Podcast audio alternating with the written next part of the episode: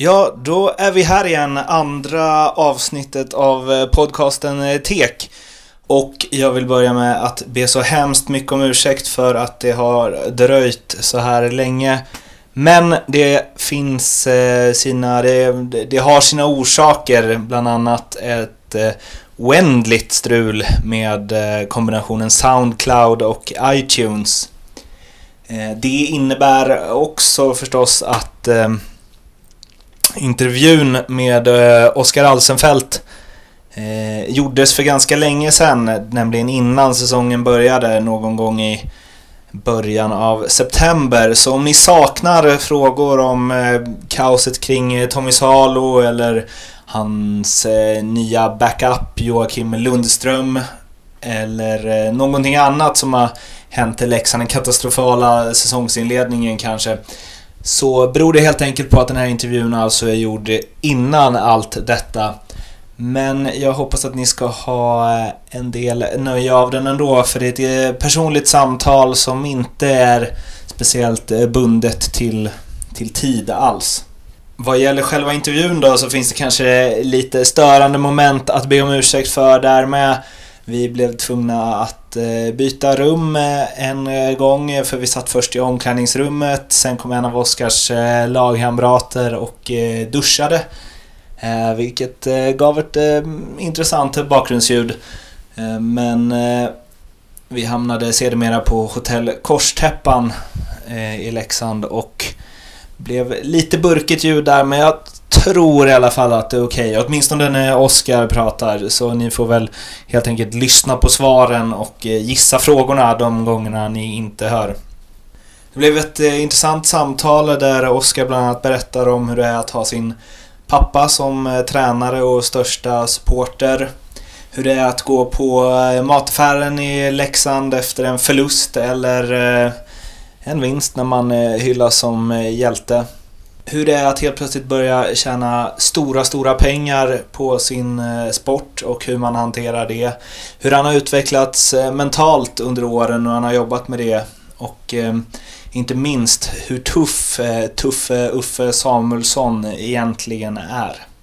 Har ni synpunkter så nås jag på Twitter, at Martin Bergman med TH.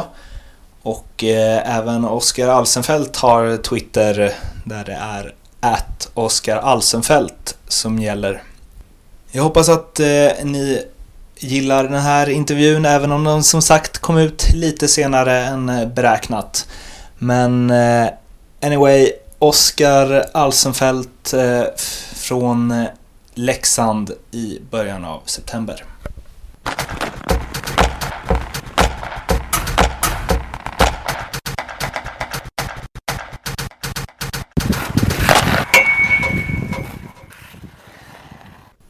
Har det alltid varit så mentalt att du släpper matcher kort på? Nja, nej.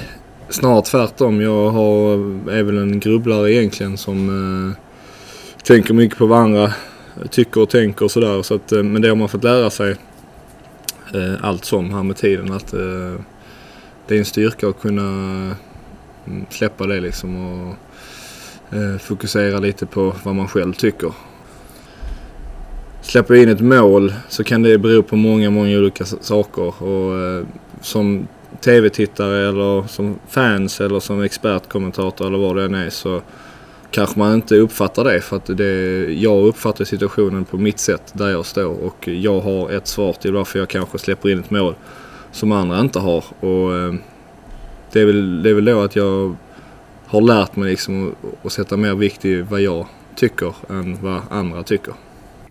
Har du alltid eh, liksom haft den grejen?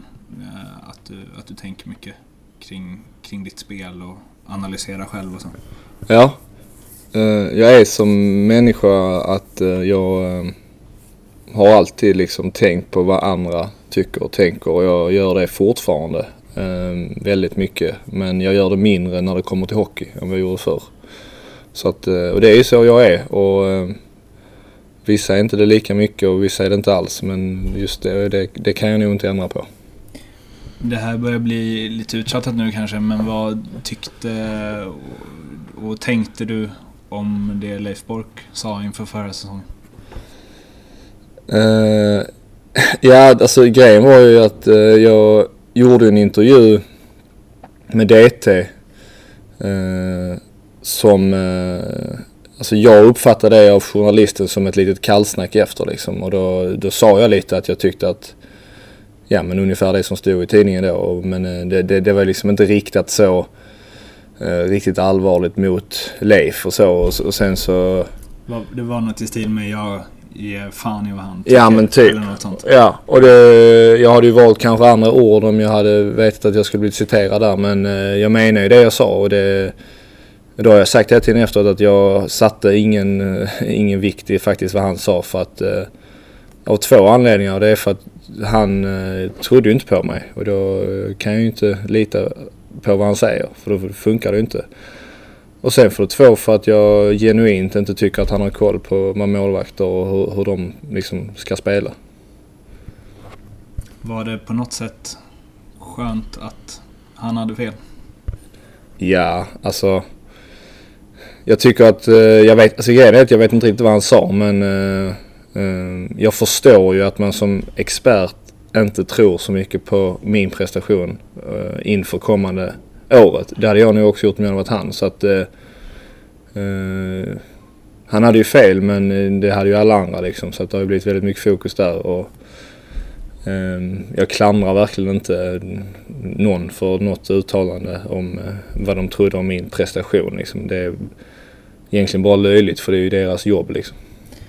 Har hans, eh, har hans uttalande en ytterpyttegnuttas eh, del i att det gick så bra förra året? Nej. Är du helt, helt säker på det? Ja, men jag kanske...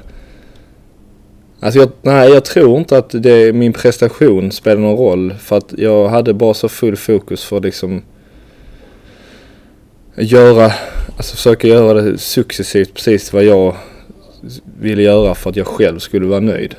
Eh, det var väl snarare så att eh, det var mycket som gjorde att jag satte ner det målet. Eh, sen om det var bra eller dåligt och det kanske var lite på grund av att många inte trodde på en och så men Alltså det var inte så att jag stod under matcherna och var arg för att Leif Bork inte trodde på mig. Så att det, det, nej, jag tycker inte att det hade någon betydelse. När presterar du bäst då? Det finns ju folk som påstår att du gör det när du är lite förbannad. Folk. Ja. De som känner sig träffade får känna sig träffade. Ja, eh, jag tror det var min pappa som myntade uttrycket när han var tränare för mig när jag var yngre. Eller yngre, det var ju division 1 i Panton så att. Men eh, Ja, jag vet inte. Jag, jag fick den frågan för några dagar sedan på eh, eh Leksandskryssningen också och eh, då svarar jag att eh, jag har fått den frågan så många gånger nu. Det är så många som börjar säga det att jag börjar tro på att det är sant. Men eh, jag tror ändå innerst inne att jag spelar bäst när jag är glad, lycklig och avslappnad. Ehm, var det annorlunda just att din pappa sa det när han hade dig som tränare? Var det annorlunda förr? Eh, det var annorlunda att det var just han som sa det för att det är ju den jag har lyssnat på mest när det gäller hockey i hela mitt liv. Så att uh, hans ord väger tungt och han är oftast grymt ärlig också. Mm. Men tror du att det låg nog i det då mer än vad det gör nu? Att du liksom behövde det som en tändvätska för att prestera? Ja, det tror jag. För att jag... Uh, när jag var yngre så värdesatte jag inte hockeyn och jag såg inte mig själv eh, Eh, tjäna pengar på det eller spela på en sån här nivå. Eh, och då var eh, kanske något sånt nödvändigt för att jag skulle göra just det och kanske eh, se min potential själv på något sätt. Mm, det är inte lika mycket så nu såklart. Ja, något sånt där. Hur var din, eh, liksom, när du började spela hockey och så? Um, hur länge var det, var det en lek och vad var din inställning till det liksom, när du Eh, när du var liten? Mm. Ja, jag eh, har väl alltid upp tills jag blev myndig eller något älskat alla sporter liksom. Och Det var nog så snarare att jag kanske till och med tyckte det var roligt med, roligare med andra sporter för att eh, hockey var man ju alltid målvakt liksom och andra sporter fick man göra mål och så. så att, eh, eh jag har haft en väldigt, eh, ska man säga, easy going liksom, tanke kring hockeyn överhuvudtaget. Och det visade sig sen att jag blev rätt trött på det och la av med det något år där så att eh, det var lite en annorlunda väg så att säga. Mm. När började du alltså greppa att det här kan... Jag har någonting ändå? Ja, eh, det är eh, svårt att svara på det för att allt har kommit så stegvis. Alltså jag kan, det, var inte, det, är inte, det är inte förrän jag eh, tog plats i elitserien som jag kan säga att det var, det var inte förrän då. Och liksom, allt har gått väldigt så att eh, när jag åkte över till Danmark bara för att det skulle vara kul att träna en gång i veckan. Då var ju bara tanken kanske att eh, göra något roligt. Och då var inte tanken på något. Sen när det blev division 1 med Pantern då var det ju bara tanken att tjäna några, några tusenlappar i månaden och eh, få umgås med några kompisar som man kände sen innan. Och sen när det gick bra där, ja då fick man kanske en liten tanke på allsvenskan så men ändå var det inte förrän jag verkligen skrev på med Växjö som jag kände att det var verklighet. Och likadant nästa steg och så. så att, uh, det är väldigt svårt att säga men eh, väldigt sent i alla fall. Mm. Men var det liksom, det låter lite som att eh, det var en kul grej. Ehm, och sen så helt plötsligt på några år så var du eh, elitserie SHL-spelare. Mm. Exakt så var det. Så du hade liksom ingen så här ut, utarbetad plan att jag ska träna så här mycket extra och jag ska göra si och så för att nå dit och liksom? Nej, alltså jag... Ehm, alltså jag när jag började spela i Panton så träffade jag för, för första gången min mentala coach då, som jag fortfarande pratar ofta med och eh, fortfarande en oerhörd hjälp för mig. Ehm, eh, och då, då var det han som sa till mig att om vi nu ska liksom, om vi måste sätta upp mål och sådär, om vi kan få drömma iväg oss och om liksom, liksom verkligen ta i nu liksom. Och då sa jag någonting i stil med att Ja men det skulle varit helt sjukt fantastiskt att få spela i Allsvenskan. Och då sa han, men varför är det inte rimligt att spela i landslaget eller något sånt där. Och då var det så overkligt och långt ifrån så att det var liksom, jag tyckte bara det var nästan, ja alltså det, jag, när han började förklara sen hur, hur det kan gå och att det kanske inte är så svårt sånt så kanske man ändå fick en 1% känsla av att det kan gå men det kändes väldigt overkligt. Och eh, så är det och det är på den vägen det Någon lagkamrat som duschar här nu. ja. bra, bra miljöljud. Tropiskt. Tropiskt som det är i Leksands omklädningsrum. det är sen gammalt. Um, men jag tänker att ändå så här, att hålla på med en sport. Um, det känns ju som att division 1 är så här träning och tid i förhållande till eh, vad som hamnar i plånboken så måste det vara en ganska dålig liga liksom, på det sättet.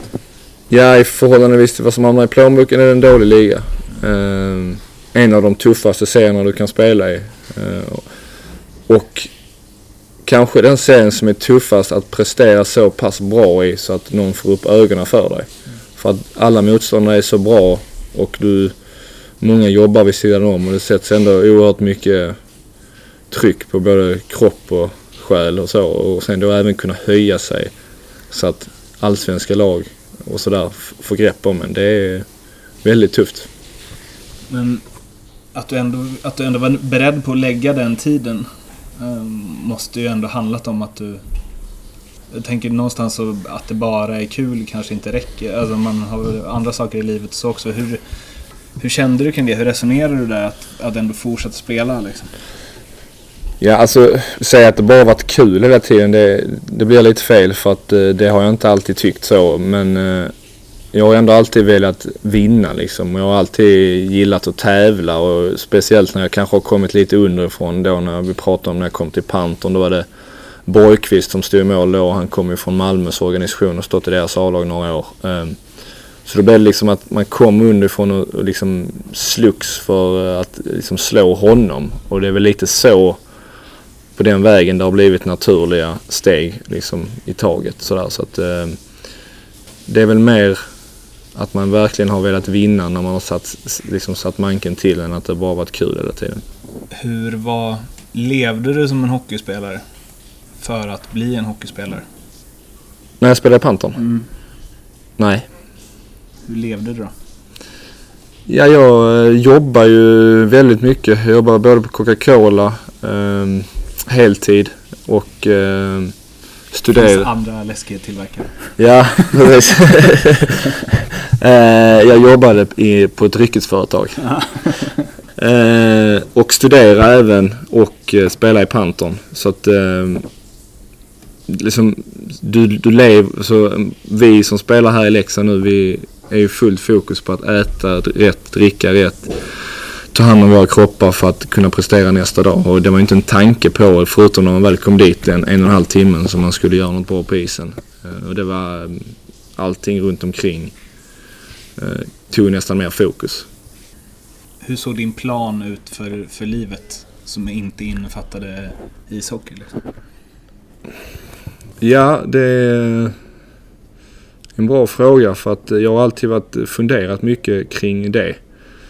Och inte riktigt varit säker på någonting. Och då har eh, eh, svaret har eh, skiftat från år till år känns det som. Och jag, Ja, det, jag, likadant där när jag sökte in på någon utbildning så sökte jag till en ekonomiutbildning och frågar man varför jag gjorde det så kan jag inte svara på det men det var för att den var den bredaste. Men jag kände ändå att jag ville göra någonting vettigt liksom. Men jag kunde inte ge mig något bra svar så då tog jag det mest allround så att jag kunde gå därifrån sen och liksom sköt upp lite vad man skulle göra.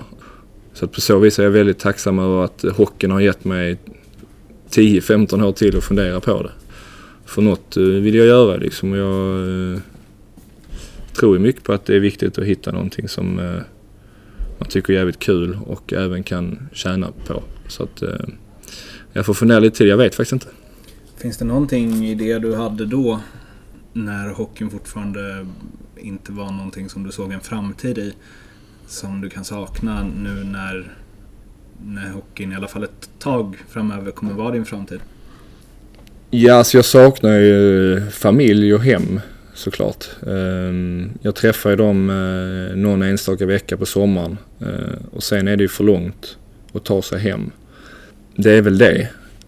Sen, alltså sen har vi det så bra så att jag har svårt att säga att jag saknar så mycket. Det är klart man saknar vissa vänner och så hemifrån också men jag tycker ändå att man, eh, man hittar möjligheter att träffa och snacka så genom internet så också nu. Så att, eh, det är lite mer att man kanske till och med kan sålla vilka vänner som är eh, en närmast om hjärtat. Så att, nej, det är väl familjen i så fall. När tänkte du, eller kände du att det här är det jag kommer...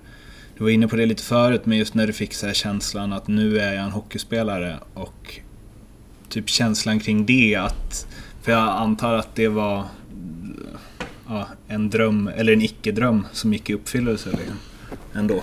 Ja, det var ju en dröm men lite som jag sa innan, det var bara en procent av mig som trodde på den ett tag. Mm.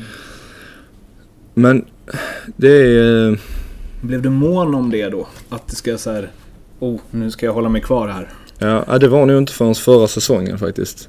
Det var... Eh, det, det är klart liksom att man kände sig rätt så Alltså, det, proffs och det var ju bara hockey som gällde när jag var i Växjö också. När vi gick upp i elitserien där. Jag spelade med dem i elitserien. Det gick väldigt bra.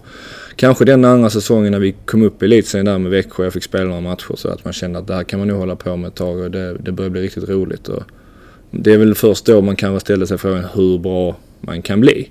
Mm. Men sen så dippade ju när jag kom upp till Övik där och Modo. Då, då, då liksom försvann de känslorna igen och det var nästan liksom som att man kanske ska fundera på vad man ska göra här nästa år. Och liksom, ska det bli hockey? Alltså det var, det var mer sådana tankar då. Så att, eh, det var egentligen inte då från förra året som jag kände att ja, men, det blir en grej det här som jag ska göra liksom, och det kommer jag nog göra några år till. För nu tror jag så mycket på mig själv. Liksom. Det låter väldigt, eh, väldigt mörkt, väldigt pessimistiskt att efter några dåliga matcher i Modo känna att vad ska jag göra nästa ja. år? Jo, men alltså det handlar inte om att eh, min...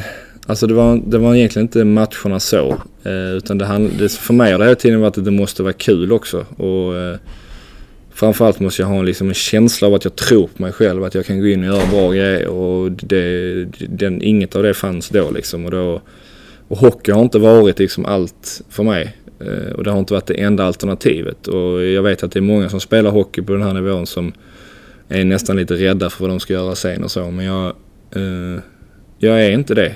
Och just då tänkte jag mycket till att det kanske är något eh, det här kanske händer av någon anledning. Jag kanske ska göra något annat liksom. Och, men det ändrades ju ändå rätt snabbt när jag kom hit och så och fick nytt självförtroende igen. Men eh, ja, det var mina tankar. Jag är bara helt ärlig. Som ni kanske hör på ljudet så har vi förflyttat oss från Leksands tropiska omklädningsrum till hotell Korstäppan. Och på vägen hit så åkte vi i Oskars bil. Och jag påpekade att eh, Eh, eller undrade om den speglade din eh, lön. Eh, det var en, en Skoda va? Seat. Mm, en Seat. Finns andra bilmärken. Eh, och då sa du att den kanske speglar din lön, inte nu, men eh, sett över hela karriären. Den aspekten av, eh, av det här av det här livet, liksom att från att ha haft extra jobb och så vidare till att bli en välbetald ja, för, att, för att hålla på med det, den sporten man älskar. Hur, hur ofta tänker du på det? Jag tänker på det lite då och då. Och jag är väldigt glad att eh, jag har gjort en eh, lite annorlunda resa hit än många andra i samma omklädningsrum. Mm, jag tycker att eh, det är lättare för mig att se hur fantastiskt bra vi har det varje dag. Och vilket privilegium det är att få, få lira hockey på den här nivån och tjäna de här pengarna och liksom göra det man älskar och dessutom bli hyllad för det. Jag hade nog, som jag tror många andra, sett det som en liten självklarhet och inte förstått värdet i det lika mycket om jag inte hade, gjort eh, eller haft den resa jag haft hit. Med den succéinledning du hade i fjol och skrev nytt kontrakt. Jag antar att du fick en rätt saftig löneförhöjning då också. Ja. Hur har det påverkat dig? Liksom? Rätt så tråkigt svar men eh, väldigt lite. Förutom att jag kun, hade chansen att lägga undan lite pengar så att jag kunde ha råd med en insats. Och eh, jag kunde eh, i stort sett nästan betala av mina lån som jag haft sedan innan inte riktigt där än, men snart. Och eh, det är på grund av en dålig bostadsaffär när jag var yngre och eh, även för att jag har eh, jag har inte tjänat några pengar alls i stort sett fram tills eh, ja, jag flyttade till Modo kan man väl säga. Mm. Och eh, ja, det är det som har förändrat. Eh, kanske att jag har köpt något eh, lite finare till min flickvän men inte, inte mycket mer än så. det, det är inte jättehög poäng på så här rock'n'roll-skalan, det svaret. Nej, sjukt tråkigt. Jag vill ju säga liksom att jag har gjort en, köpt en vingård och sådär men... Eh, nej, jag, eh, jag är ju fullt medveten om att jag inte kan tjäna så här mycket hela mitt liv. Mm. Eh, och vad som jag sa innan, att det är inte förrän förra året som jag kanske inser att jag kan göra det några år. Innan det så var jag rädd att det skulle sluta samma år nästan. Mm. Så, men lite överdrivet och lite mm. tråkigt svar igen men det är ju så och man måste ju liksom ändå ha i åtanke att man vill kunna leva hyfsat bra eh, efter hockeyn också. Mm. Och det, då måste du vara tråkig. Mm. Känner du så att eh, nu när du är van vid att, eller sen tidigare, att inte känna så mycket kan du känna men så här, jag står ju fortfarande bara i ett hockeymål. Inte ska väl jag, typ. Mm, ja. Det har jag tänkt eh, också väldigt många gånger. Um, jag vill ju känna mig värd pengarna. Uh, och det är någonting som jag fortfarande vill väldigt gärna. Um, och där kommer väl det igen som jag förklarade innan att jag tänker mycket på varandra och sådär. Och jag måste nästan säga till mig själv ibland och sålla det. Men uh, jag har väl lärt mig nu att eh, folk har bankat in det, speciellt lagkamrater och sånt som också tjänar bra pengar, att, eh, att man verkligen är värd det för att annars hade du inte tjänat det. Mm. Och eh, du har ändå en utbildning på 20 år för att nå hit och du måste ändå vara i toppen i, på någonting som Sverige är väldigt bra på. Mm. Och eh, sätter du det i perspektiv till andra grejer så eh, tjänar de också bra pengar. Du sa det att, eh, att du är glad för att du ändå har den bakgrunden nu när du är här. Att du kanske kan ha lite andra perspektiv på det och så. Har du, mm, eller upplever du att du har eller haft lagkamrater så som inte kan se de sidorna liksom? Ja, det tycker jag. Jag tycker att det finns folk eh, som... Namn? Jag... ja, precis. eh, jag känner inte att det är så många längre. Eh, utan jag tycker väl flest, alltså framförallt att det kanske är yngre spelare som har gått den här vägen. Lovande junior. Eh, får skriva på kanske ett NHL-kontrakt. Eh, kommer över igen. Eh, som har gått den här lite snabba, självklara vägen. Som jag ibland har känt att eh, de förstår inte hur bra de har det liksom. Men eh, det är ju också många som har haft det väldigt tungt på vägen, precis som jag. Så det är inte så att jag är unik. Men eh, jag, jag, jag, jag, är rätt så övertygad om att eh, du eh, spelar bättre och mår bättre i längden om du liksom eh, kan värdesätta det du gör just nu liksom, och förstå hur, hur bra det är. Det vi var inne på innan eh, den eh, ofrivilliga pausen där, eh, Modo. Jag hade tänkt ställa frågan med någon egen värdering om att det gick ju inte så bra i Modo. Men jag såg ju faktiskt inte mer än typ en match med dig där. Så jag säger istället, hur gick det i Modo, tycker du? Vad, vad bred fråga. Um, ja, jag eh, ska säga det att jag är väldigt glad att jag har varit i Modo och lirat där och ehm, och det är på grund av att eh, jag träffar folk som jag fortfarande har kontakt med, som jag kommer att ha kontakt med resten av mitt liv och som jag gillar väldigt mycket. Och eh, framförallt för att hade jag inte åkt dit hade jag inte varit här där jag är nu. Sitta här och svara på de här frågorna och känna mig tråkig. eh, eh, liksom det är, det är en, en bit av vägen och det gick ju inte så bra rent hockeymässigt. Det förstår ju alla. Eh, men eh, det gjorde att jag kunde spela bättre sen. Vad var det som inte gick där? Det var en blandning av lite olika grejer men eh, alltså, det började väl framförallt att jag hade höga krav på mig själv och eh, hade höga krav på mig och såg mig i en roll som jag själv också ville. Ehm, och det började med att jag kanske inte presterade riktigt på den nivån. Eller jag började väl att prestera riktigt, riktigt bra på träningsmatcher och sånt där men sen fick jag inte riktigt den starten i, i, i seriepremiären. Det, Skellefteå dunkade väl in fyra mål första perioden och sen blev jag utbytt.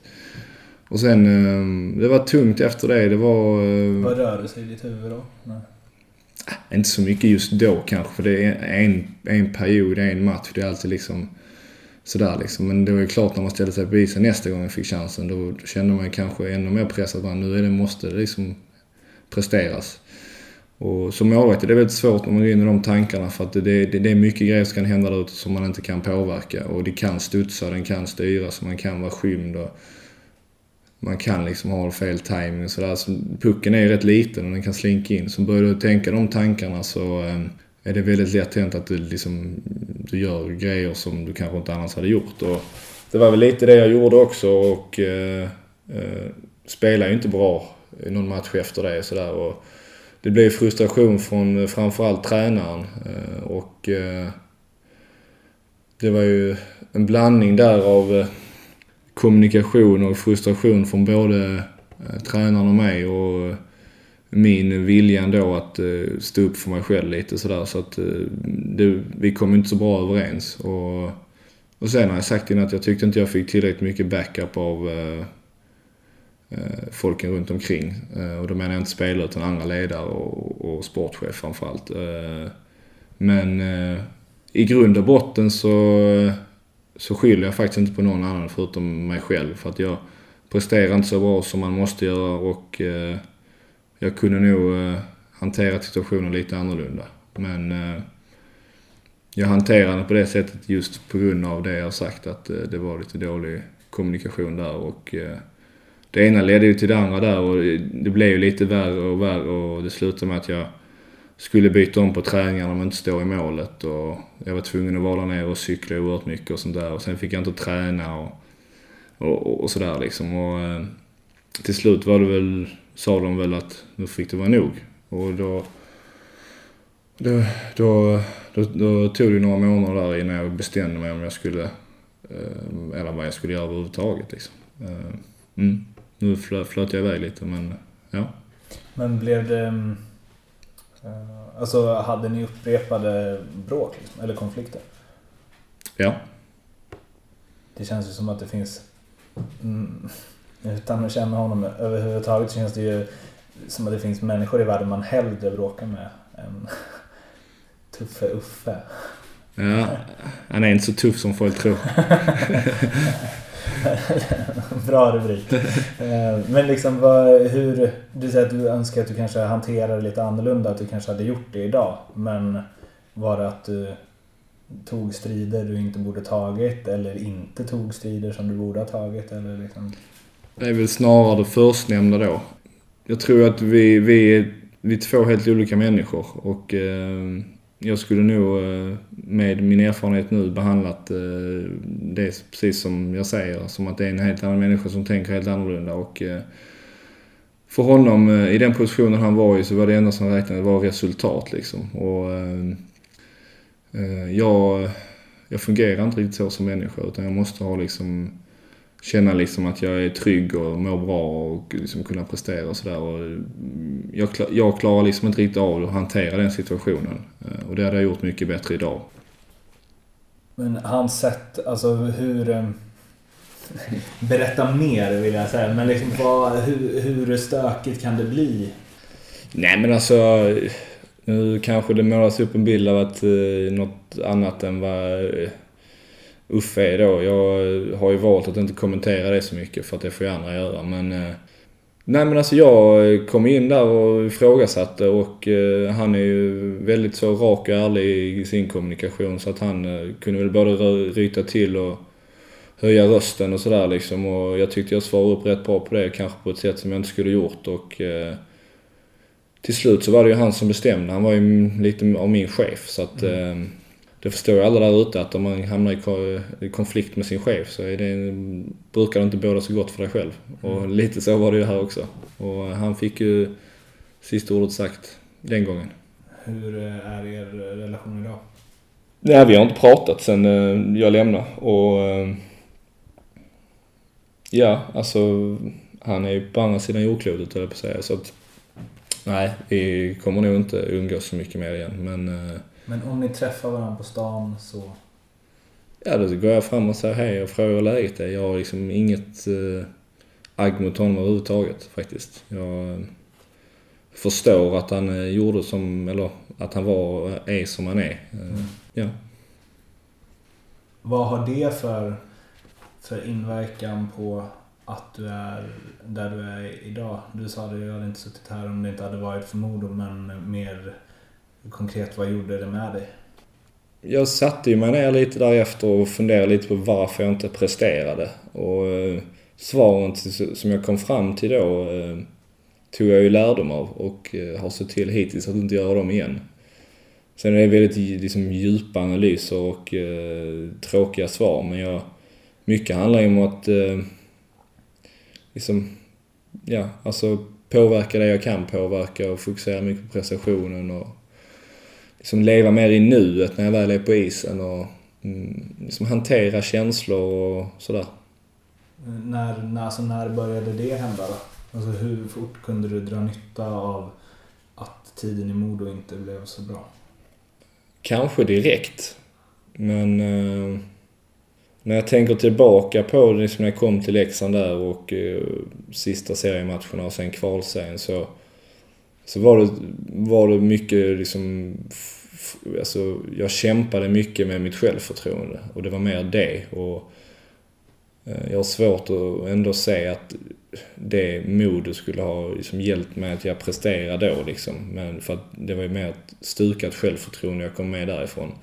Så det är kanske inte egentligen förrän säsongen efter när man fick den sommaren och att då hade man det eh, bakom sig och man visste att det hade både gått dåligt och bra. Och att trots att det gick dåligt så kunde man avsluta bra. Och, eh, sådär. Det var, liksom, det var lättare att sammanfatta när man liksom satte sig ner tydligt. Allt gick väldigt fort där. Och, ja, man gick från att liksom vara lite nere till att vara väldigt glad och sådär. Så att det var kanske inte från sommaren när säsongen började som jag kände att det ska bli kul att börja en ny säsong för nu vet jag saker som jag inte visste innan liksom, och jag är väldigt laddad. På, på en säsong, att gå från att inte vara önskvärd liksom, och att börja fundera på vad man, om du ens ska hålla på med hockey, till att vara firad hjälte liksom. Ja, alltså det är ju... Det är som jag, jag, jag, ibland när jag tänker på det och ska försöka förklara på det så kan jag komma på mig efterhand att jag använder så stora ord så att folk kan nästan tro att jag har vunnit ett världskrig. Mm. Men det är ungefär så det känns inuti mig. Mm. Och det är som, jag tycker ibland det är löjligt när jag pratar om det för att jag förstår att andra kan utifrån kanske inte tycker det är så jävla märkvärdigt. För det finns ju hur många eh, idrottsmän och kvinnor som har haft det dåligt och sen gjort det bra liksom. Mm. Men eh, inifrån mig så är jag oerhört stolt över min egen resa och eh, men det är ju lite det jag tycker livet handlar om, att göra sig själv stolt. Så att, eh, jag är jätteglad för den resan hittills. Finns det, finns det något i dig som fortfarande tänker tillbaka på det som var då och liksom eh, vad du ska göra för att undvika att hamna där igen eller någon form av så här rädsla för att hamna i den situationen igen? Nej, alltså inte... Jag kommer aldrig hamna i exakt samma situation. Eh, det har jag lärt mig. Och jag är inte alls rädd längre för någonting så. Inte när det gäller hockey i alla fall. Det är liksom... Eh, det är alldeles för, för litet. Mm. Det finns så mycket annat som är viktigare. Mm. Och, och det har väl med att man har blivit några år äldre och sådär och kanske gått igenom grejer utanför och sånt så man har liksom fått lite perspektiv på saker. Men mm. nej, jag är inte rädd för det längre. Men det känns ju som att Mm. Jag får inte riktigt grepp om det, vad, vad hockeyn betyder för dig. För det kändes ju som att innan du slog igenom så var det inte heller så himla viktigt. Alltså att du skulle bli hockeyspelare och så blev det väldigt viktigt och nu, är det, nu har du mer balans på det? Eller liksom... Ja men alltså hockeyn, eh, jag tyckte ju inte då att det var viktigt men den har, hockeyn har ju alltid varit viktig. För det är ju liksom den som har format en till den man är och eh, liksom hela den här resan som gör mig glad när jag tänker på är på grund av att jag spelar hockey. Mm. Så att eh, det är ju med allting här i livet att man vet ju inte saker förrän det har hänt. Helt säkert liksom. Och det är likadant det här jag Tyckte inte det var viktigt då, men jag kan ju sammanfatta det nu genom att säga att hockeyn alltid har varit väldigt viktig. Men man ska också komma ihåg, tycker jag, att hockey är faktiskt bara en sport och den kommer aldrig vara viktigare än så för mig. Ehm, att liksom, det är att folk är friska och mår bra och sånt där och att eh, man kan liksom hitta lycka på så många olika sätt det är ju betydligt eh, mer värde än hockey. Mm. Men eh, jag erkänner ju också att hockeyn gör ju oerhört mycket för en och den har ju varit jätteviktig för mig i mitt liv. Mm. Hela tiden. Ändå, du var väldigt tydlig när du skrev på kontraktet här. Att du hade liksom eh, att du hade hittat någonting här. En, en trygghet och så. Hur givet var det att stanna? Ja, det var det, var det enda som fanns. Eh, och jag ringde Salo, eller jag sa till min agent ska jag väl säga, eh, att när Therese fick eh, jobb så ringde jag samma dag och sa att jag kunde skriva nytt kontrakt om Leksand ville. Och det ville de. Så enkelt var det. Mm. Det känns inte sättet man så maxar förutsättningarna på. Nej, men Alltså jag, jag har den bilden av Salo att... Eh, nu, jag, jag satt ju inte i förhandlingsbordet. Eh, och jag tror säkert min agent använde andra ord än vad jag hade gjort. Mm. Eh, det är därför han är det. Mm. Men eh, jag har rätt så ärlig bild av honom och han, eh, jag tror han var rätt så tydlig. Det var därför det gick så fort också. Med vad han kunde tänka sig tycka att jag var värd och så. Så att det, det var liksom inte så komplicerat tror jag. Och sen så sa väl kanske min agent någonting till och sen var det väl okej okay då liksom. Så det, det var, jag tror det var rätt enkelt där, gick snabbt. Men du hade annat intresse också? Ja, det var ju mitt under säsongen så att det var liksom inte... Alltså det var inte så att det, man har intresse då för man har ju kontrakt. Man kan väl känna att det kanske kommer komma? Ja, alltså jag fick ju lite hintar och agenten sa ju att, eh, att jag skulle få liksom rätt många elitserieklubbar, kanske utomlands, att välja på också. Eh, men det fanns inget eh, elitserielag som ens var aktuellt oavsett. Liksom. Det, var, det var i så fall funderingar till om man skulle liksom ge sig iväg på något äventyr eller så. Eh, men den viljan var heller inte så stark. Men det var en fundering i några sekunder.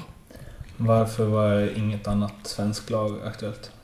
Nej, för att jag har så mycket att tacka Leksand för och eh, jag trivs här och jag, jag, jag kunde inte se mig spela i något annat lag helt enkelt. Alltså det är väldigt enkelt. Jag fick frågan om min agent om, eh, liksom, om vi inte skulle vänta för att det kunde ju innebära fler alternativ. Men eh, det, jag såg mig inte själv spela de här kommande två åren i något annat elitserielag. Mm. Eller SHL. Mm, det är mycket böter på dig nu. Ja, precis. Ehm, du säger att du, att du inte är rädd för något inom hockeyn längre. Men tryggheten som du har här och att det går så bra här att du, på, att du har hittat någon, liksom det du behöver för att eh, prestera. Finns det någonting, att, rädsla eller kalla det vad du vill, för att det ska försvinna vid ett, eh, vid ett klubbyte när du bara har en säsong med dig i bagaget? Liksom? Ja, eh, än en gång så är jag inte rädd för det men eh, jag har lärt mig att eh, man ska inte ta så lätt på att, eh, att man spelar bra där man är. Det är inte bara att flytta och spela lika bra eller liksom jag vet, man, man ser ju många som presterar bra och som känner att ja, men nu finns det fler alternativ än flytta och sådär liksom. Men det är inte bara att flytta och göra samma resa för du får börja om lite. Och, så att jag jag sätter absolut värde i att jag är här nu och har presterat här och eh, vet att jag borde, eller liksom, det borde ju kunna gå att göra samma sak liksom. Och när man kommer till ett nytt ställe är det alltid nya förutsättningar. Så att, och det lärde jag mig lite när jag flyttade från Växjö till Modo för där hade jag ju ett alternativ på sätt och vis där jag kunde stanna till Växjö. Så att eh, det har jag också lärt mig lite där.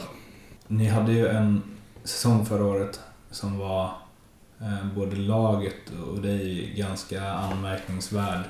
Trots liksom en mittenplacering i serien så räddade du flest skott av eh, alla målvakter. Ganska många fler skott än eh, närmsta. Och laget hade en målskillnad som var ja, jag vet inte om ni hamnade på minus 40 och lagen runt om hade minus 2, minus 3 någonting. Um, gjorde minst mål i serien. Ehm, och ändå så var ni väl bara tre poäng eller något från en femte... Sjätte? Ja, elva, ja, men det var väl bara tre poäng upp till typ fjärde plats. Ja, precis. Mm. Förklara det. Ja, det är jätteenkelt. Vi, hittar, vi, vi som lag hittar sätt att vinna matcher på.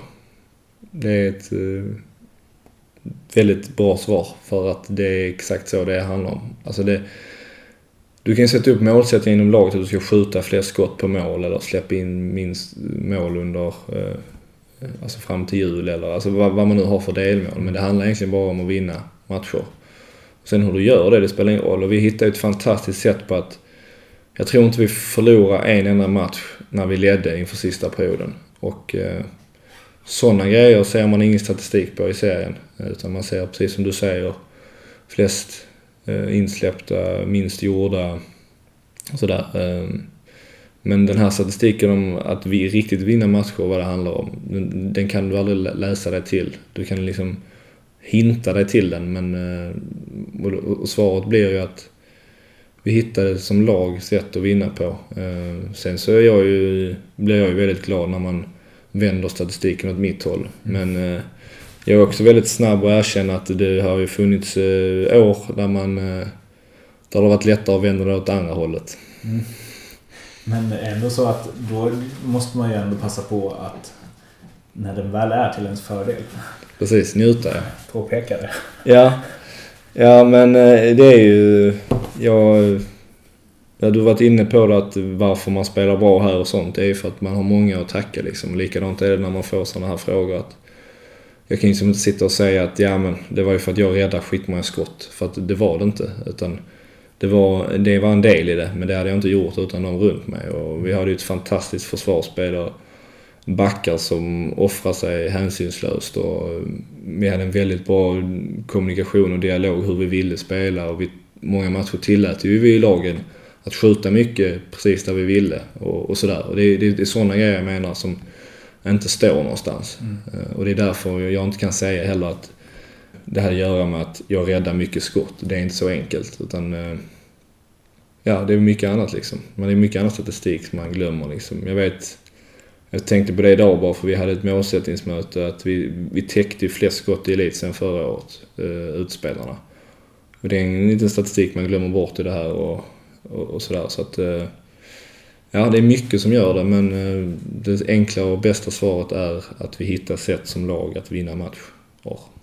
Så båda de två inledande matcherna förra året mot Brynäs hemma var det inget snack om vilka som skulle vinna den och Örebro borta var kanske en av de värre spelmässiga överkörningarna eh, jag har sett. Och den vann ni ändå. Jag vet inte om det blev så här 45-13 i skott eller något till Örebro. Eh, hur kände du eh, då? Kände du att vi kommer att vara nosa på slutspel? Nej, det kände jag inte då det var, eh, det var en väldigt tuff inledning av säsongen.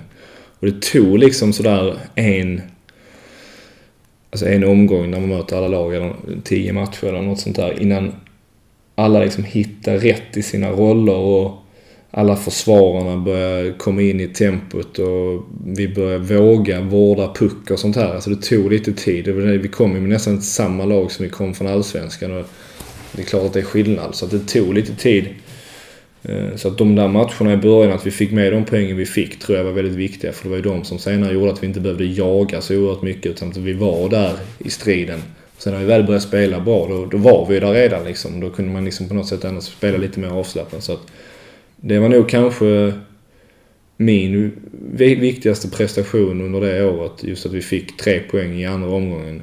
För att de gjorde att vi liksom, liksom så höll oss där eh, i någon omgång till och sen så kanske vi fick något poäng till och sådär. Sen så kom det av sig själv och hela laget började fungera. Eh, men då var, precis som jag sa, då var vi liksom redan med rent poängmässigt.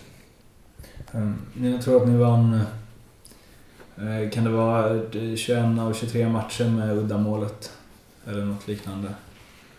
Också en statistik som är ändå noterbar får man säga. Vad, vad är det, och du var inne på det också att när ni ledde inför sista perioden så vann ni de matcherna.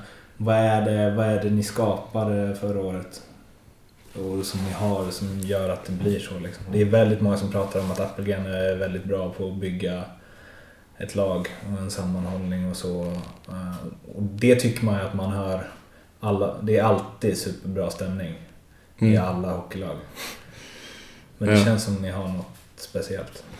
Ja. Um, jag vet inte hur alla andra lagen har det, men um, det är ju den, eh, eller det ledarteamet som jag har varit med som är de mest uh, måna om hur man mår som grupp. Um, sen vet jag, jag kan liksom inte säga om de andra har det bra eller inte, men det kan jag säga i alla fall. Och jag har varit i tre elitserieföreningar och jag har varit, spelat i Allsvenskan och division 1 sådär. Och, det är liksom, vi, jag vet inte om det har att göra med, det är klart det har att göra mycket med att eh, tränarna och Äpplet är som de är liksom. De är grymt duktiga men lite också kanske att det är, vi bor här uppe liksom i ett litet samhälle och liksom vi har varandra och liksom det andas ju hockey här och fansen har också en del i det liksom att det är Ja, de skriker ju krigar och sådär. Liksom, det känns lite som att det hela, liksom, allting går ihop lite till att eh, verkligen knyta samman som grupp. Och sen just att vi vann många uddamålsvinster har ju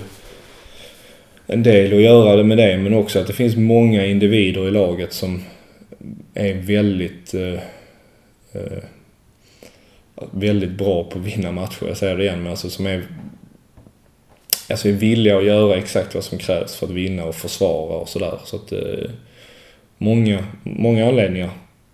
Det du pratar om, en, eh, liksom att det är ett litet samhälle och alla sluter samman och så. Under alla åren som det inte gått bra för Leksand, det föll ihop i kvalserien år efter år efter år. Då kändes det ju utifrån som att det snarare var en börda än något som... Eh, Men det, det är ju ingen given, det är ju ingen ingrediens som gör att det blir givet succé. Att man, att man bor på en liten ort där alla bryr sig om hockey och eh, trycket är stort liksom. Ni måste ändå ha lärt, eller det, det här är första Leksandslaget på länge som får ihop det på det sättet. Ändå. Som får det som något positivt. Har, du- har tanken slagit dig liksom när Ja. om det vänder, vad som händer då?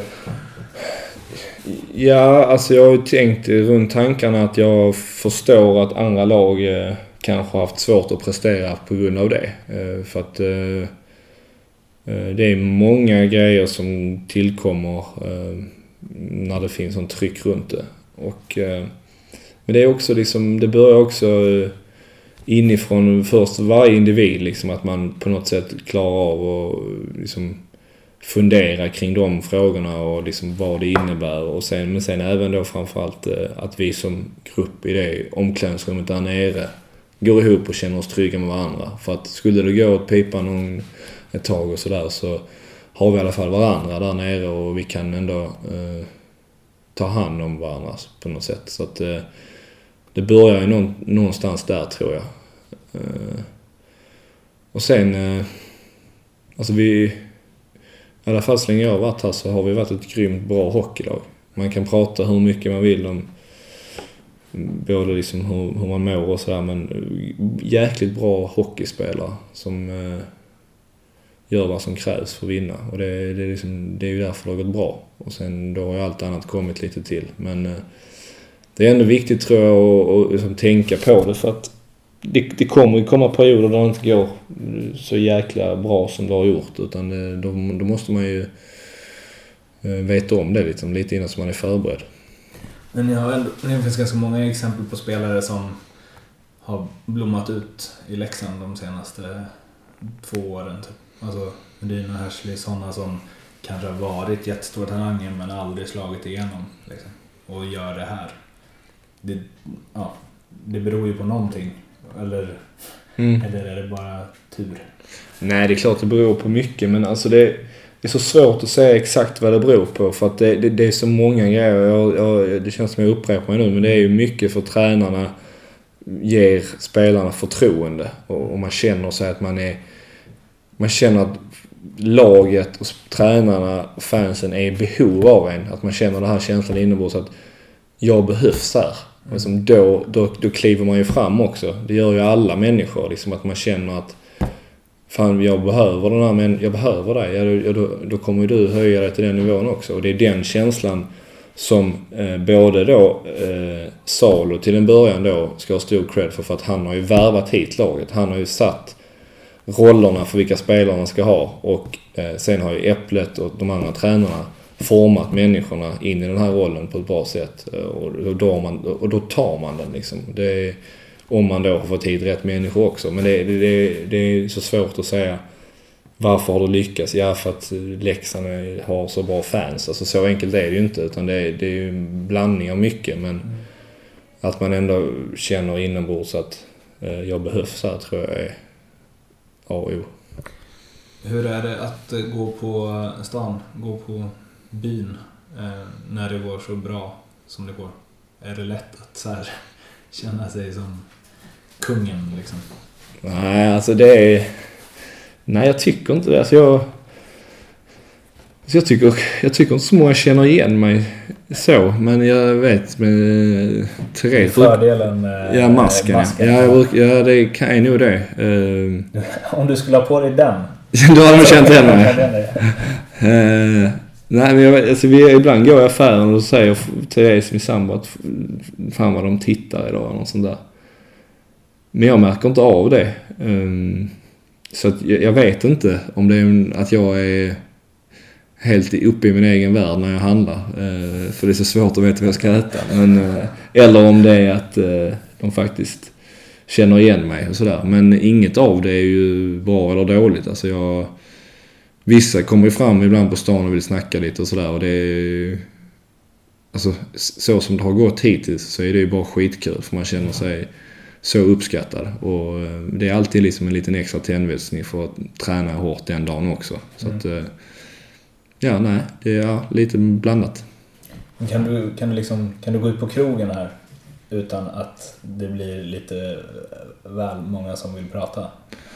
Ja, ja, absolut. Det är, de är vana vid det här. De har ju haft eh, bra hockeyspelare många år här så att det är inte så att det är så konstigt liksom att man skulle känna igen någon på krogen som spelar hockey. Eh, men sen såklart att det är ju folk som vill snacka med en. Ibland eh, för att man har släppt in ett mål och ibland för att man har gjort någon bra räddning. Men eh, ja, så länge folk är trevliga när de kommer fram så, så är det ju bara kul. Tror du att det kan bli en, om det nu inte skulle gå bra, tror du att det kan bli en så här jobbig grej att det är så litet så att man du säger, nu säger du att inte så många känner igen dig, men det tror jag att ganska många gör. Men att du kan inte gå till ner och handla liksom, utan att känna kanske, då kanske blickarna säger någonting annat än Åh, där är han som är räddar så många puckar. Ja, det är, inte, det är kanske inte lika roligt, men jag... Men det, är nog, det, det kommer nog vara mest jag som tänker så att mm. andra tänker. Mm. Uh, det är det jag menar lite. Tror du att du kommer tänka så? Ja, det tror jag. Mm. För att jag är så ju. Att jag uh, är lite så. Men det var som jag sa innan också i början att jag, jag har ju lärt mig det också att uh, bli bättre och inte värdesätta det så mycket. Liksom sålla bort lite vad andra tycker och tänker. Men när det, just när det gäller hockey det är inte så att jag inte skulle göra någonting för att jag hade presterat sämre. Det är inte så att jag skulle strunta i att åka och handla eh, eller så. Men eh, jag hade kanske märkt att det inte var lika roligt. Jag vet inte. Eh, jag hoppas att jag inte behöver ta ställning till det. Med NHL, är det the dream? Liksom? Jag vet inte. Om jag får drömma så är det nog ändå typ att vara med i ett VM och få lira. Jag, jag vet inte varför, men jag har alltid liksom sett Tre Kronor som högst. Jag vet inte varför, men det är väl för att man växte upp med liksom Foppa 94 och sådär liksom. Alltså jag vet inte, det känns mer som att det är någonting som jag verkligen skulle vilja få vara med om. Men eh, alltså om jag får drömma. Det är inte så att jag funderar på det så ofta men det känns som en eh, fetare dröm liksom. Och då måste man ju fråga hur det var att dra på sig landslagströjan som du ändå fick göra för säsongen. Ja, det var helt eh, sjukt eh, fantastiskt. Som folk har förstått nu så eh, har jag aldrig sett mig själv i en sån tröja och nästan aldrig funderat på det. Liksom när jag fick frågan första turneringen som skulle vara förra året om jag, om jag var besviken för att jag inte hade blivit uttagen. Det var liksom då, då var det första gången jag funderade på att jag var ens påtänkt. För att jag själv hade ju aldrig tagit ut mig i det läget eller funderat på mig. Så att, då började det vara lite så, oh shit, jaha, liksom. Men, och sen då när jag verkligen fick göra det efter säsongen så var det ju nästan overkligt faktiskt. Då spelar det liksom ingen roll att det är en, vad var det, en träningsmatch mot Danmark? Danmark. jag hade hellre stått mot något annat lag där man fick liksom mer än nio skott för att få visa att man har hemma. Men eh, men det kanske var bra. Jag vet inte, men det... Det, spel, nej, det var som du säger, det, det var självkänslan att sitta i ett rum och se alla de tröjorna, sen dra på sig den och stå på blålinjen, nationalsången. Det är ju... Det var overkligt. Målvakt i många sporter eh, anses ju, eller målvakter anses ju vara lite udda så. Att man väljer att stå i mål. Eh, nu kanske inte hockey är den mest eh, extrema där. Det finns väl bandy och så vidare som är ännu mindre eh, förståeligt för många. Hur hamnar du bakom masken? Ja, vi, när jag började spela i Panton som jätteung mm, så uh, turades man om att stå i mål. För det var ingen som ville stå i mål, alla ville göra mål. Och uh, när det var min tur Så kommer jag ihåg att jag fick så mycket beröm att alla tyckte jag var så duktig så att jag ville göra det igen liksom. Så slog jag en träning till och... Ja, sen bara blev det att jag stod en match också och eh, folk tyckte jag var jättebra och liksom den känslan när man är ung att folk tycker att man är så bra, den eh, slår ju allt. Så att eh, på den vägen var det. Det var inget så här att det var coolt med plock och sånt? Om man hade sig kepan när man lirade på skolgården, för mig. Ja, just det. Plocka med den ja. Nej, faktiskt inte. Alltså grejen är att alltid när jag varit på skolan och spelat och på gympan och nu, även nu på sommaren när vi spelar band i laget så har jag alltid varit ute. Så att eh, jag vill vara med och lira men jag var bra på det då så att det bara blev så. Sen fortsatte det.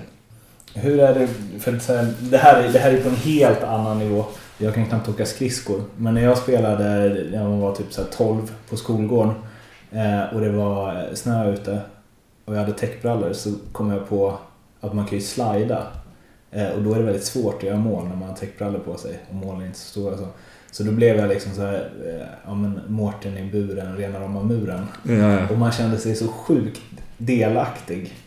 Eh, så att det så vägde upp att man inte fick göra målgester typ.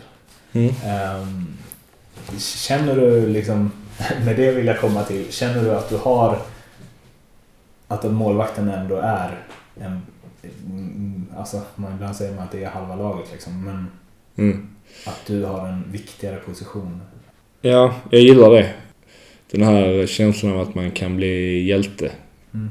Och eh, även tvärtom såklart. Men att man hela tiden kan vara med och påverka mycket. Jag, jag, jag, tror att jag presterar bättre då. Eh, och jag tror också faktiskt att redan när jag var så liten, du frågar mig varför jag valde, så tror jag också att det hade någonting med det att göra. Att jag kände att jag kunde liksom vinna ett laget och hjälpa andra och göra dem glada. Sådär. Så att, eh, ja, lite därför tror jag att jag började också. Det är en väldigt utsatt position också på det sättet. Att, man kan, att det kan bli åt andra hållet, att man kan känna sig som orsaken till att man förlorar. Har du fått jobba med det? Ja, jag har ju jobbat hela, hela sen jag började spela hockey, jag på säga. Men eh, liksom när jag började, A-lagsnivå. Och jag jobbar hela tiden nu med mig själv och... Eh, ja, alltså jag... Eh, så jag kan ju inte prestera eh, så bra som jag vill. Och jag kan inte nå upp till min potential om jag inte jobbar med mig själv mentalt. Både på men framförallt innan matcherna och hur jag vill uppfattas på isen och försöka se mig det framför mig. Alltså allt det tillhör min uppladdning och så. Och eh, jag har alltid fått jobba med mig själv för att kunna prestera. Så att, eh, och jag tror väl att alla måste göra det för att nå sin potential. Så att, eh, ja. Men för, tänker du, vi säger att du har slängt in tre puckar. Tänker du annorlunda om du gör det, om du gör det idag än om du hade gjort det för så fem år sedan? När du står där och ja, alltså, det. Ja, det gör jag. Eh, men eh, min... Eh, den första impulsiva tanken är väldigt lätt att den kommer precis nu, nu som det gjorde förr. Men det är just då... Ja, att jag suger och alla andra tycker jag är dålig. Trist ja. feeling. Ja, det är det. Det finns inte mycket värre feeling så. Men det är just det jag menar att det är det med ett bra förarbete mentalt så man kan undvika, undvika den tanken. Eller framförallt när den kommer, att man kan göra sig av med den och gå vidare liksom med, med ett arbete mentalt. Och eh, det är ju det som skiljer mig från förr och även många nu tror jag mot andra. Och det, jag tror man kan skaffa sig en rätt stor fördel där. Tillbaks till det som jag började målvaktsfrågan med. Liksom, är målvakter kan man dra alla över en kam? Eller många? Är ni lite annorlunda? Jag förstår ju att, eh, att det där har kommit fram för att jag själv har stött på många konstiga målvakter höll jag på att säga. Men jag har själv aldrig sett mig som eh, en av dem. Så att därför får nog mitt svar vara nej ändå. Eh, det är väl bara att man ser det lättare för att det, det finns jäkligt många skumma typer som utspelar också. Så mm. att, eh, det är nog precis som du sa, det är mer utsatt. Det finns ju bara en eller två så att, eh, då, då tänker man nog mer på det. Hur är det att bli utbytt som målvakt? Skönt ibland. Oftast blir man ju utbytt när man har släppt in rätt många mål. Eh, då kan det vara rätt skönt att komma därifrån. Annars så har jag aldrig gillat det för att eh, det är ju en känsla av att eh, förlust liksom på något sätt. Alltså en förlust för mig själv. Så, så, så att jag, jag, ibland har jag bytt ut mig själv. Det känns lite bättre. Mm. Men att väl bli inkallad är aldrig kul liksom. Visar man det väldigt tydligt då? Att så här, jag vill byta, ser alla det? Det här är nej, mitt men, beslut. Ja, alltså nej. Alltså just då är i alla fall jag är ju bara så lack och besviken framförallt. Så att eh, sådana tankar finns inte riktigt vad andra tycker just då. Eller det finns kanske, men inte just på om de ser om det är jag själv som byter eller inte. För när du står, det är också intressant att du sa att, ja, men det här, att folk kanske inte känner igen dig. Du har alltid mask. När du blir utbytt och har varit så här riktigt dålig. Då ska du ta av dig masken. Så alla bara jaha. Ja, det är honom vi ska blänga på. Ja det finns. Jag, jag kommer ihåg när jag spelade i Växjö. Då blev jag utbytt mot AIK hemma en match. Uh, och då, då, då togs det någon bild när jag satt på bänken med, alltså när jag tagit av mig masken. Liksom. Och då ser man verkligen liksom, man ser igenom bilden hur besviken och liksom ledsen man är. Och det, det, det, det, är, det, är, det är verkligen, som du säger, att man blir verkligen, nu ser folk verkligen en på allvar. Mm. Och det känns eh, skittråkigt just då. Att eh, du hade din pappa som tränare? Hur, ehm, hur var det? Det var eh, bra. Jag hade ju en först som eh, ungdomsspelare. Och eh, jag kommer väl inte ihåg så jättemycket om den tiden. Bara det att jag tyckte att han var väldigt rättvis och rätt så hård ändå mot mig när vi väl var där nere. Jag tror nog att många trodde att han var så hård mot mig oftare. Men han är ju en mjukis hemma liksom. Och alltid liksom sagt en gång extra liksom hur mycket han gillar mig och älskar mig och sådär. Så att, eh, men eh, där nere var han väldigt rättvis och ärlig men eh, det gjorde också att jag... Han, jag tror att man sätter lite högre krav på sin son ändå att han Eh, jämfört med andra, att man ska uppträda bra och ta i och göra sitt bästa och sånt där. Så det gjorde väl ändå, ändå på något sätt att jag eh, lärde mig det lättare liksom. För att eh, de kraven ställdes. Blev det också så att han var, tror du, extra hård mot dig för att snacket om att, att man särbehandlar sin son inte skulle komma? Ja, absolut. Men jag kan bara själv tänka mig hans sits där liksom. Jag tyckte väl själv, jag tror många tyckte att jag var den bättre av de två målvakterna på den tiden också. Och då kan jag bara sätta mig in i den sitsen hur svårt det måste vara att, eh, ja men precis som du säger, att, att, att, att det inte ser ut utifrån som att man favoriserar och sådär. Eh, eh, men det, ja, jag tror nog han var lite extra tuff utåt just på grund av det, precis som du säger. Ja. Hur var annars så familjen eh, kring, kring din hockey?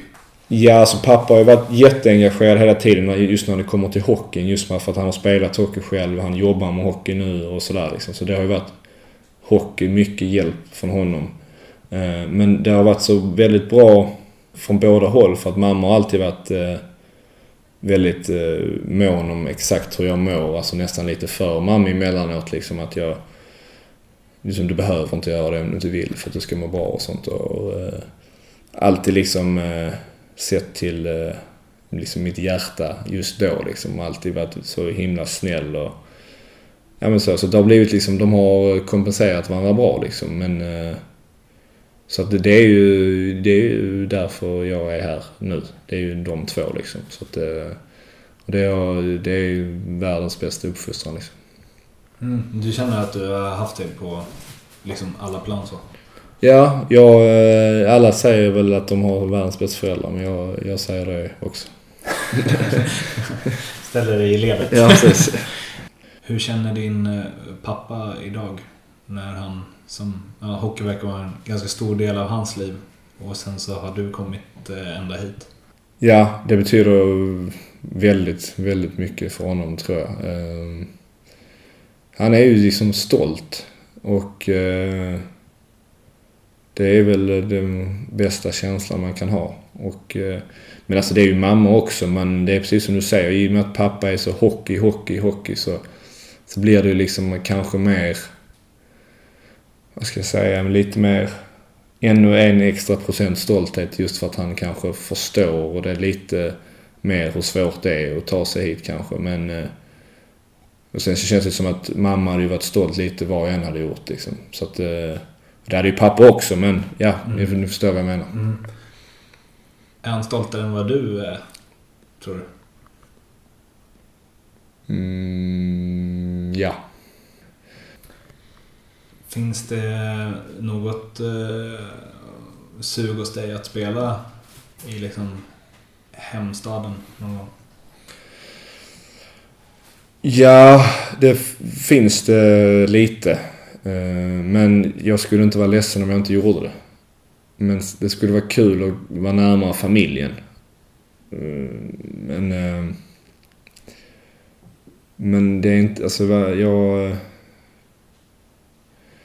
jag det är inte så heller att jag känner att jag måste bo där nere när jag slutar spela hockey eller så. Så att jag, jag, jag är lite är lite kluven egentligen var jag ser mig själv. Men eh, jag gillar ju Malmö som stad och familj och vänner och så. Så att det, det är klart att det hade varit kul. Det förstår väl de flesta. Finns det någonting du skulle vilja prata om? Eh, eller få fram eller eh, säga liksom? Det behöver inte ha med hockey att göra. Det kan ha med hockey att göra. Det kan ha med samhället stort att göra. Så. Oj. Också en sån grej man hade velat ha innan. Ja, precis. Nej, men... Eh, jag... Eh, alltså någonting som jag vill prata om. Jag... Eh, Känner du att vi har missat något? Liksom? Nej, inte av mig. Det känns som att vi har fått med allting. Jag... Eh, har väl fått med, alltså när du ställer den frågan så tänker jag om det finns något mer jag glömt som jag borde liksom säga tack till nästan. Det känns mm. som det har blivit ett stort tacktal men mm jag har fått med mina föräldrar, min bror då också tillhör familjen där och eh, min mentala vän Andy Svärd och tränarna och sådär. Eh, men kanske då framförallt Therese, min sambo som jag varit tillsammans med länge med. Hon har ju både behövt flytta och fått hantera, hantera mig när jag har liksom varit tråkig och arg på situationen. Så att, eh, det är väl så väl det jag skulle vilja säga då. Mm. Hur länge har ni varit tillsammans? Typ 10 år. Oj. Mm. Så du var 17? Ja, egentligen var jag yngre. Men egentligen var jag redan 15 tror jag. Eller 14 till och med. När vi blev tillsammans först. Men sen hade vi något, något år uppehåll där eh, för typ sådär, ja, fem år sedan eller något. Nu kommer hon säkert lacka för att jag är helt fel på det. Men typ något sånt. hon bara, vadå, det var inget uppehåll? Nej, så illa var det inte. Eh, det är ju ändå äh, återigen äh, inte jättehöga poäng på det här äh, rockstjärneskalan. Nej. det, det känns som att du är, eller överlag så, eh, lugn, trygg, familj. Det är inte så mycket liksom flash och eh, groupies och sånt. Nej, nej jag... Ehm, nej, det är jag nog inte. Eh, sen är det väl klart också att man har gjort lite mer eh, grejer som går in i den kategorin. Men eh, det kan jag inte säga förrän jag har slutat spela hockey. nu kommer biografin. Ja, precis. Avsnitt två. ja, precis. Då sitter vi här igen. Hur mycket känner du eh, till henne just det att du sa att hon har flyttat med och hon har säkert offrat grejer för att du ska kunna ha din karriär. Liksom. Hur, mycket, hur mycket känner du kring det? Hur mycket tänker du kring det? Ja, det är en grej som jag tänker väldigt mycket på och eh, jag har försökt vara väldigt noga med att alltid säga att eh, du gör precis vad du vill och eh, vi kan vara tillsammans fastän du flyttar någon annanstans och jobbar och karriär och sådär liksom. Vi löser det ändå och eh, hon har ju gjort det också. Hon har ju hon följde med till Växjö men då, då började hon studera en treårig utbildning som hon skulle gjort ändå. Och eh, hon stannade där ett år efter jag hade flyttat. Eh, jag bodde ju själv i Örnsköldsvik stora delar. Och eh, hon kom hit här eh, och sökte jobb eh, och fick det. Så att det har ju fungerat rätt bra för oss. Men det är såklart att hon har ju offrat mycket också för att hon hade ju kunnat studera i Malmö eller Stockholm och sådär och kunnat söka jobb där också. Så att hon har fått minimera sina alternativ. Men det har ändå löst sig och jag har försökt vara väldigt noggrann med att och, och liksom förstå att eh, hon får göra precis vad hon vill. Liksom. Jag behöver inte ha en housewife. Du känns inte som att eh, ifall det kommer ett fett kontrakt från mitt i Sibirien, om det nu finns några hockeylag där, så känns det inte som att du eh, är den som eh, drar dit i ett år för pengarna. Nej, det. Rätt eller fel? Ja, det är rätt. Om det inte är super, super fett kontrakt. Ja, precis. Men eh, jag stör mig lite på mig själv när jag säger så för att eh, det ska inte spela någon roll tycker jag. Men eh, det öppnar ju ändå vägar liksom för framtiden kanske om man skulle kunna tjäna de pengarna. Eh, men eh, ja, det, ska vara, det ska vara något riktigt, riktigt, riktigt bra då. Mm. Summor, hur mycket? Alltså jag, jag vet inte ens vad de tjänar. Nej. Jag har bara hört att det är så jäkla bra och, och sådär. Så att... Eh, nej, jag, jag, vet, alltså jag vet inte. Men eh, det, det ska vara så, så att man känner att... Eh, nej, gör du inte det här så är du riktigt jäkla dum alltså. Du ska kunna stå för att du tackat nej. Ja men precis, det är mer det nästan fast jag inte vill. Hur mycket tjänar du? Det säger jag inte. Ungefär. Men för, för, för det första så vill jag inte säga det. För att eh, det, då hade jag fått fråga om det hela tiden. Och för det andra så får jag inte säga det, för det står i kontraktet. Så att... Eh, det, får, det får ni läsa i Aftonbladet när det kommer ut sen. De brukar ju ha fel med sådär massa. Brukar de ha fel med det? Är inte det direkt utdrag ur liksom... Eh, Jo, men det är, folk har ju liksom sett undan pengar och sådär liksom. Så att det är ju inte en direkt visning om vad man tjänar nej. Och du vet ju inte vem som gör vad liksom med sina pengar. Alltså så. Så att det är det är ju inte en... Ja, det är ju en fingervisning men det är ju ofta fel. Ofta de som står i toppen är ju oftast inte i toppen så att säga. Och tvärtom. Kommer du stå i toppen? Nej, Du sätter alltså undan mycket. så mycket jag kan. Kan du säga något i förhållande till liksom... Alltså utan att använda siffror? Är det... Alltså... Är det mer än vad du haft i årslön tidigare liksom? Ja, ja, det är klart. Mm. Det vet alla som lyssnar på detta. Okej. Eh, Har du eh, blivit starstruck någon gång? Ja. Och vem då? Eller på vilket håll menar du? Om jag har blivit eller alltså att Ja. någon har blivit av att jag är där? Ja, vi kan ta båda för den andra är väldigt intressant. Men först var det om jag har blivit det. Ja. Ja, jag har väl blivit det många gånger. Eh, eh, vem tänkte jag på nu? Eh, jag Pekka Lindmark, jag sa det innan. Mm.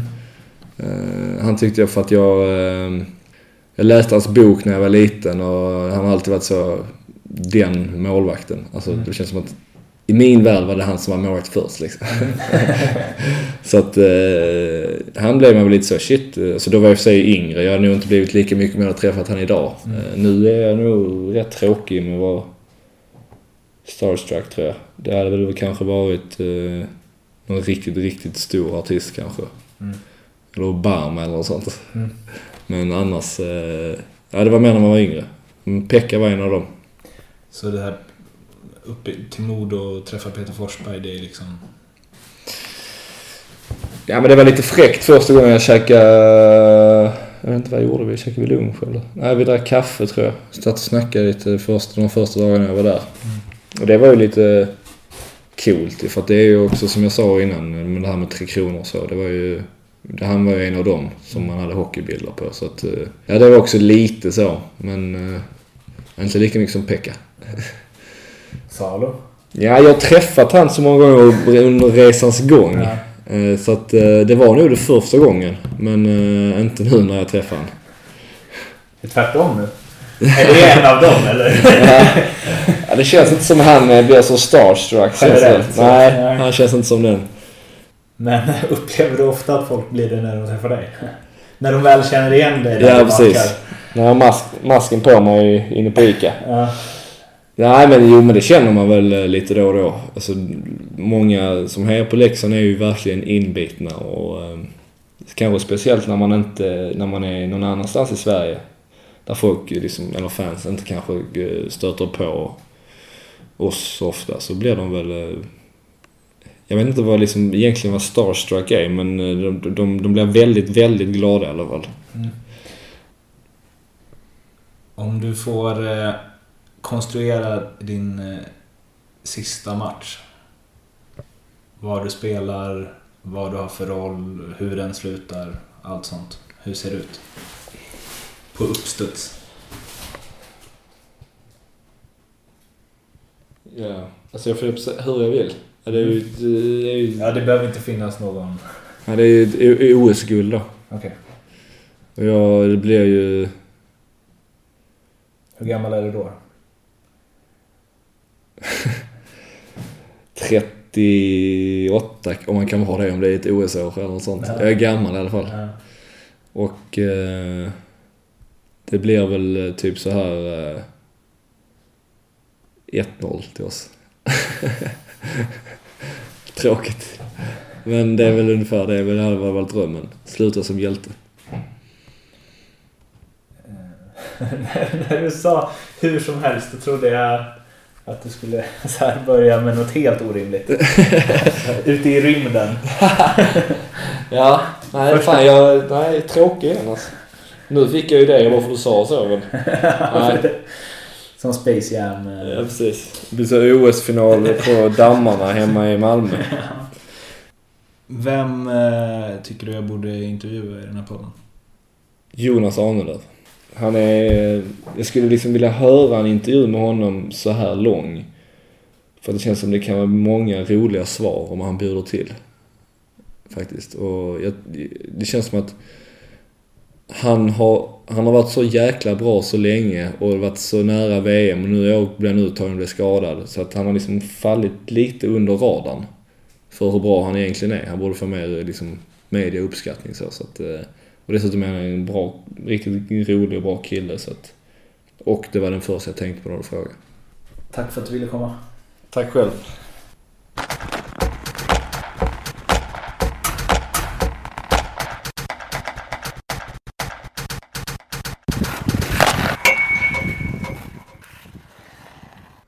Där var vi i hamn då. Med eh, Oskar Alsenfelt. Den här podcasten hittar ni på iTunes och Soundcloud. Ni söker på TEK. Och eh, nästa avsnitt som kommer ut om en eh, dryg vecka förhoppningsvis så ehm, är gästen inte spikad än men det lutar lite åt någon eh, backbjässe från Skåne. Men det återstår att se. Tack så mycket för att ni lyssnade och eh, så hörs vi helt enkelt.